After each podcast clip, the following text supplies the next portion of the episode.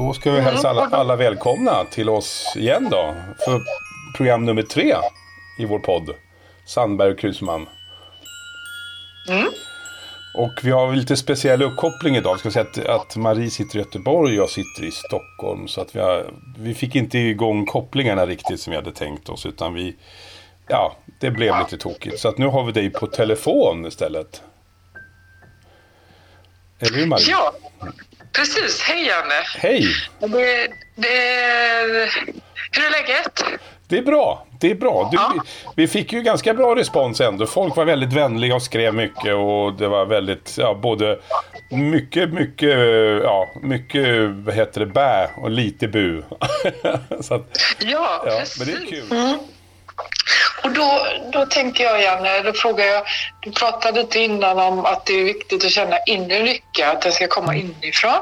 Mm. Men har du någon, eh, någonting yttre så att säga som gör att, att du blir extra lycklig då? Nej, det, alltså det, det finns ju Du många saker. seglar ju till exempel, Vad sa du? vet jag.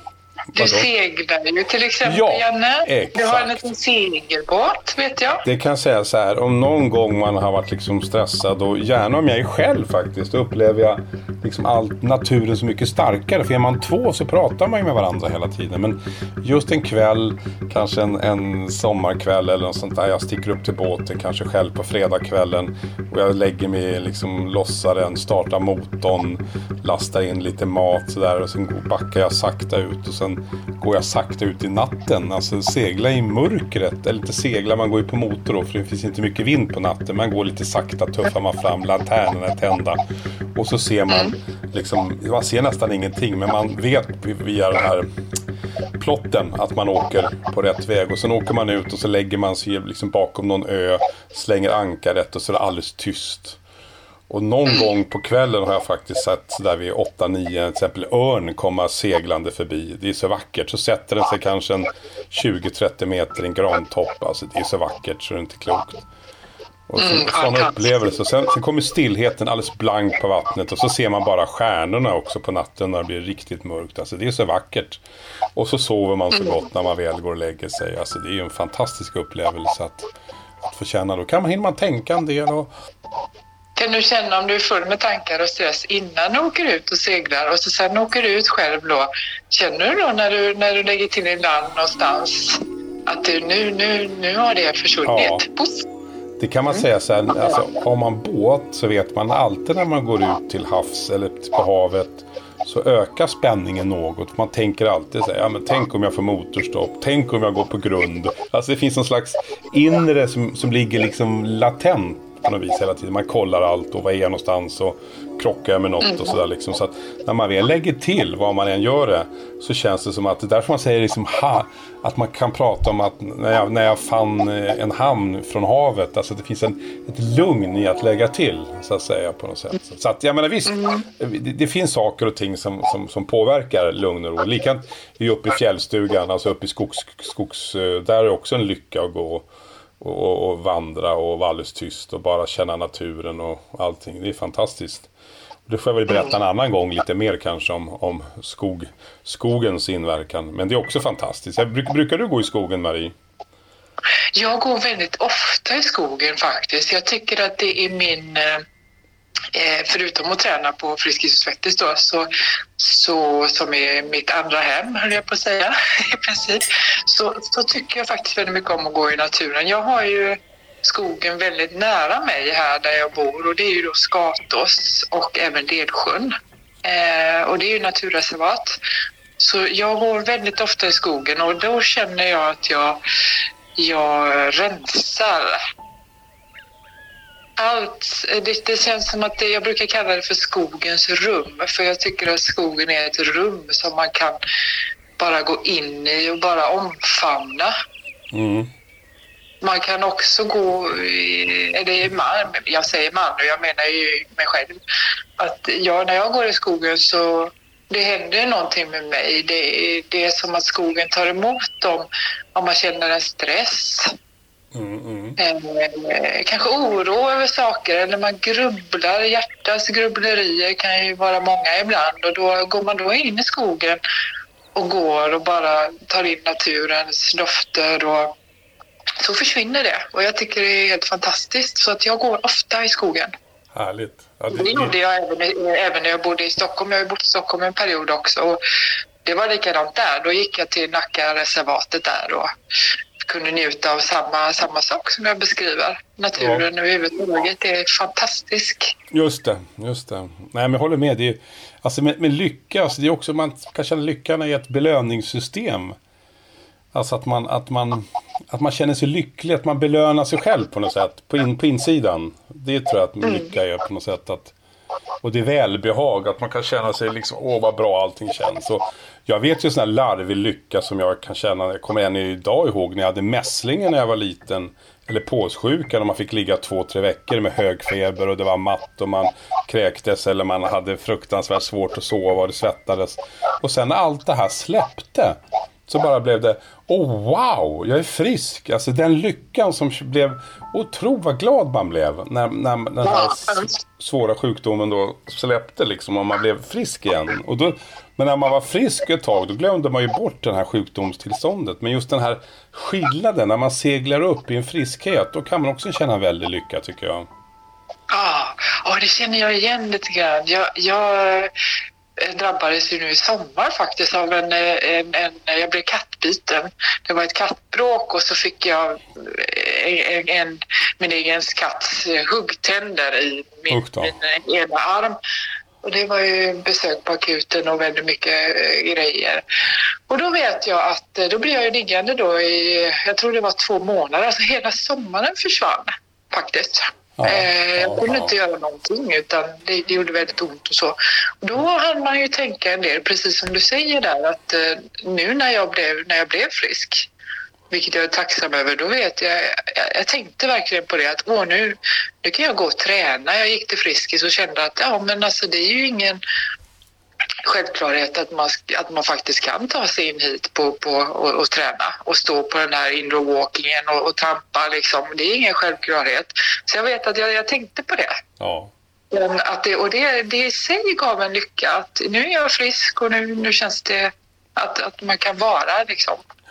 Så, så jag tror lycka är inte ett slags mått på framgång eller ja, att man är framgångsrik person på något sätt. Utan det, det, det, man kan ju fortfarande vara olycklig fast man är framgångsrik så att säga. Det läser man ju ofta om.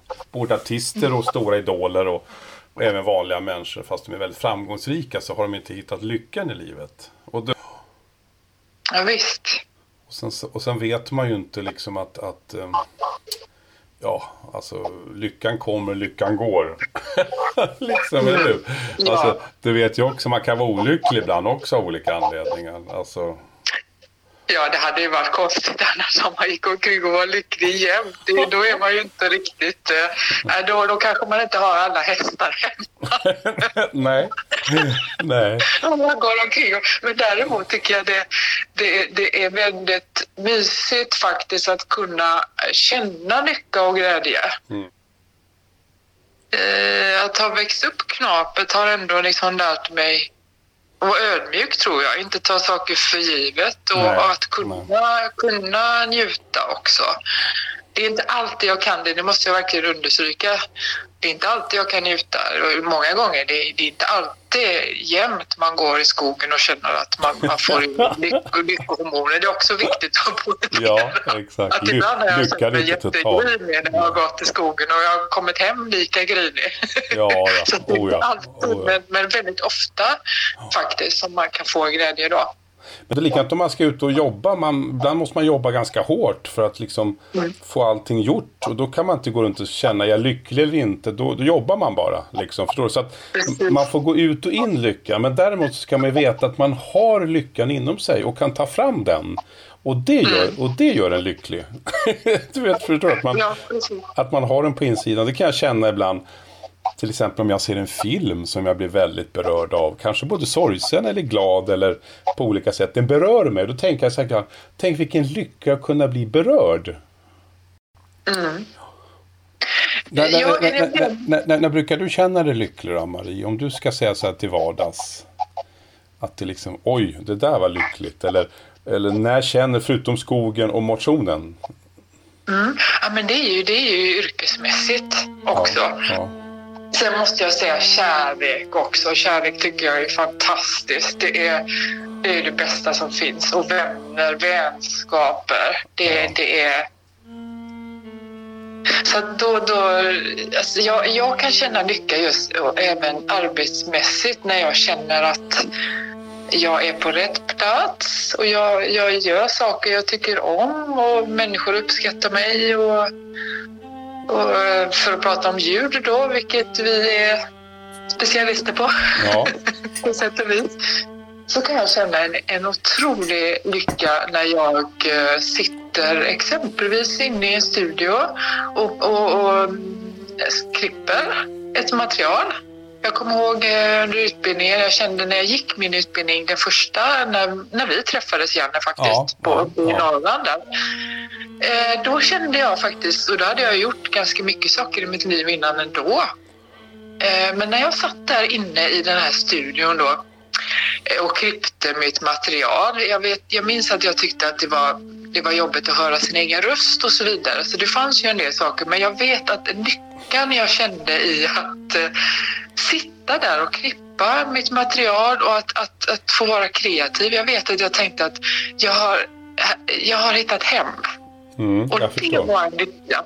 Det var en enorm lycka inre lycka som sen strålade ut i en yttre lycka. För jag tror att om man har en inre lycka eh, så utstrålar det ju någonting utåt också. Mm, mm, mm.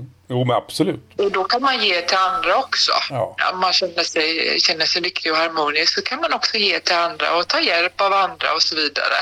Så att där vet jag att jag kände en total eh, lycka att jag, jag har hittat hem. Ja. Och det var en så skön och behaglig känsla. Men jag tycker kreativiteten som du pratar om, den ger nog den lyckan till dig. När du känner kreativ och du känner oj, det här nu skapar jag något. Det är också en väldig kreativitet faktiskt. Men jag tänkte, om, om, är det någon pryl du är kär i då? Alltså är det, någon, är det någon grej som gör dig lycklig? Alltså är det så? Uh, någon pryl som gör mig lycklig? Nej, Ingen? det är det, det är det faktiskt inte vad jag kan komma på så här på rak arm. Det var en jättebra fråga. Nej, det vet jag faktiskt inte om det är någon pryl direkt. Är det ingenting du känner för liksom? Jag, jag kan säga så här. För mig så, så alltså om jag har en fantastiskt god bulle framför mig. Då är jag en lyckokänsla att jag snart ska få äta den. Då tycker jag, då, då är jag Ja, ja. salig liksom. Ja, Till exempel. Men sen kan det också vara till exempel segelbåten om vi återvänder till den. Jag brukar liksom klappa om den lite ibland. Och sen också den här känslan när jag sätter mig i den. Så drömmer jag ibland liksom att ja, men nu ska jag segla jorden runt med den. Och det kan man ju göra med den här båten. Alltså, det är ju några som gjorde det i alla fall på 70-80-talet har de seglat runt med den här båten. Och, och då känns det att man skulle ju kunna, alltså det är möjligt att segla ut i livet och världen och, och, och krossa Atlanten och allting sådär. Men det är nog inget för mig, känner jag. Men jag tänker tanken gör mig lite glad så här liksom. Åh, tänk nu kan jag liksom åka vad jag vill när jag ger mig ut. Men det gör jag ju aldrig. Men alltså just den här lyckan lite grann. Att man tycker att det, liksom, det är lite fantastiskt. Jag brukar klappa båten ibland så här. En dag ska vi gå ut och segla ordentligt, brukar jag säga till en. Liksom, så här. Men det är frågan om jag vågar göra det själv på de här öppna haven. Det får man ju se sen så att säga. Men, men som sagt, är bara tanken gör mig lite glad och liksom lite skrattig och nöjd. Så att säga. Med någon slags att det finns en möjlighet någonstans i det här. Så, Jag kommer bara... ja, när, du, när, du, när du pratar om din segelbåt här så kommer jag ju faktiskt på en, en, en pryl som jag är lite, lite kär i då. Och det är ju, apropå båt, så kommer jag att tänka på att det är faktiskt en kanot. Jag brukar vara på Värmdö ibland. Mm. Eh, och jag gillar ju att vara ute, jag gillar ju vatten också. Jag tycker vatten är, havet är fantastiskt på många sätt. Eh, och jag brukar då eh, vara ute och kanota där ibland. I en gul kanot. Och då vet jag, jag brukar klappa den också. För det, vi lånar en kanot, det är jag och några vänner som, Ja, som ja. är där ibland. Och, och vara ute med den här kanoten. Jag vet, det brukar jag brukar jag klappa den också och säga nu är det dags att åka ut här. Och så det, det ger mig lycka att vara ute, vara ute och kanota. Ja, exakt. exakt. Och, och bara åka och inte riktigt ha med, sig, ha med sig matsäck och inte riktigt veta vart man ska utan kanske lägga till där man, ja, man lägger till där man känner för det då. Mm. Precis som dig när du seglar. Det är, och känslan av att vara nära vattnet. Då. Så det, det, den gula lilla kanoten är jag lite kär i. Ja, men vad kul. Jo, men det ger ju också en möjlighet för dig att åka ut på havet och få uppleva liksom lukta och känna och, och liksom allting. Jag förstår verkligen hur du menar. Och den tar dig ut på äventyr liksom. Och det är också härligt att då kan man bli lite att den där är inte så dum. Och det är inga dyra saker utan det är liksom framförallt lite roligt och, och, och sådär. Jag kan tänka så här också. Jag bara kan tänka om jag har en ny cykel eller en, en, ny, en, en cykel som är lagad till exempel från punkan och den cyklar så fint. Då blir jag så glad. Och gud vad härligt det är att cykla tänker jag liksom. Alltså jag uppskattar verkligen och lika ledsen blir jag när jag får punktering. så här liksom störd. Jäklar, nu sprang mitt liv, gick åt peppan och herregud liksom sådär. Ja, men cykling är också fantastiskt. Ja. Det, det är också, jag är lite kär i min cykel ja. också faktiskt. Jag, ja. jag cyklar väldigt mycket. Eh, överallt. Framförallt till träning och så vidare. Och det är jobb och allt vad det handlar om. Så jag, jag älskar att cykla. Det är också en frihet att, att cykla. Och så får man motionen också samtidigt. Så, och jag vet känslan när det blir punktering då. Då, då går ju livet sönder alltså. Ja. Tänk vad lätt vi kan laga punkan och så blir vi lyckliga igen. Liksom. Det är fantastiskt, eller hur? Ja. Nej men som sagt det finns nog mycket att vara olycklig för också. Jag tänker många som drabbas av olika saker. Och, ja, det vet man läser om och folk man känner och sånt. Så att det går inte bara att gå och vara lycklig för då, då kan man ju också bli lite dum om man bara tycker allt är bra. Liksom. Utan man har ju sina stunder där man, där man tycker saker och ting är jobbiga och man kämpar på så gott det går. Liksom. Men, men som sagt, att man måste också ha, lika väl som man har lite olyckliga stunder så måste man också ha de här lyckostunderna. Så att man får liksom lite balans i sitt liv. Du, ska vi, ska vi tacka för idag då och säga att det var kul att de lyssnade på oss och att vi återkommer med nya ämnen? Precis. Tack så hemskt mycket för att ni lyssnar och att ni har varit med oss idag. Bra. Och då får vi säga... Får vi säga hej då den här gången, Janne? Ja. Hej då allihopa och vi ses och hörs snart säkert igen. Det gör vi. På återhörande. Hej då! Hej då! Hej då!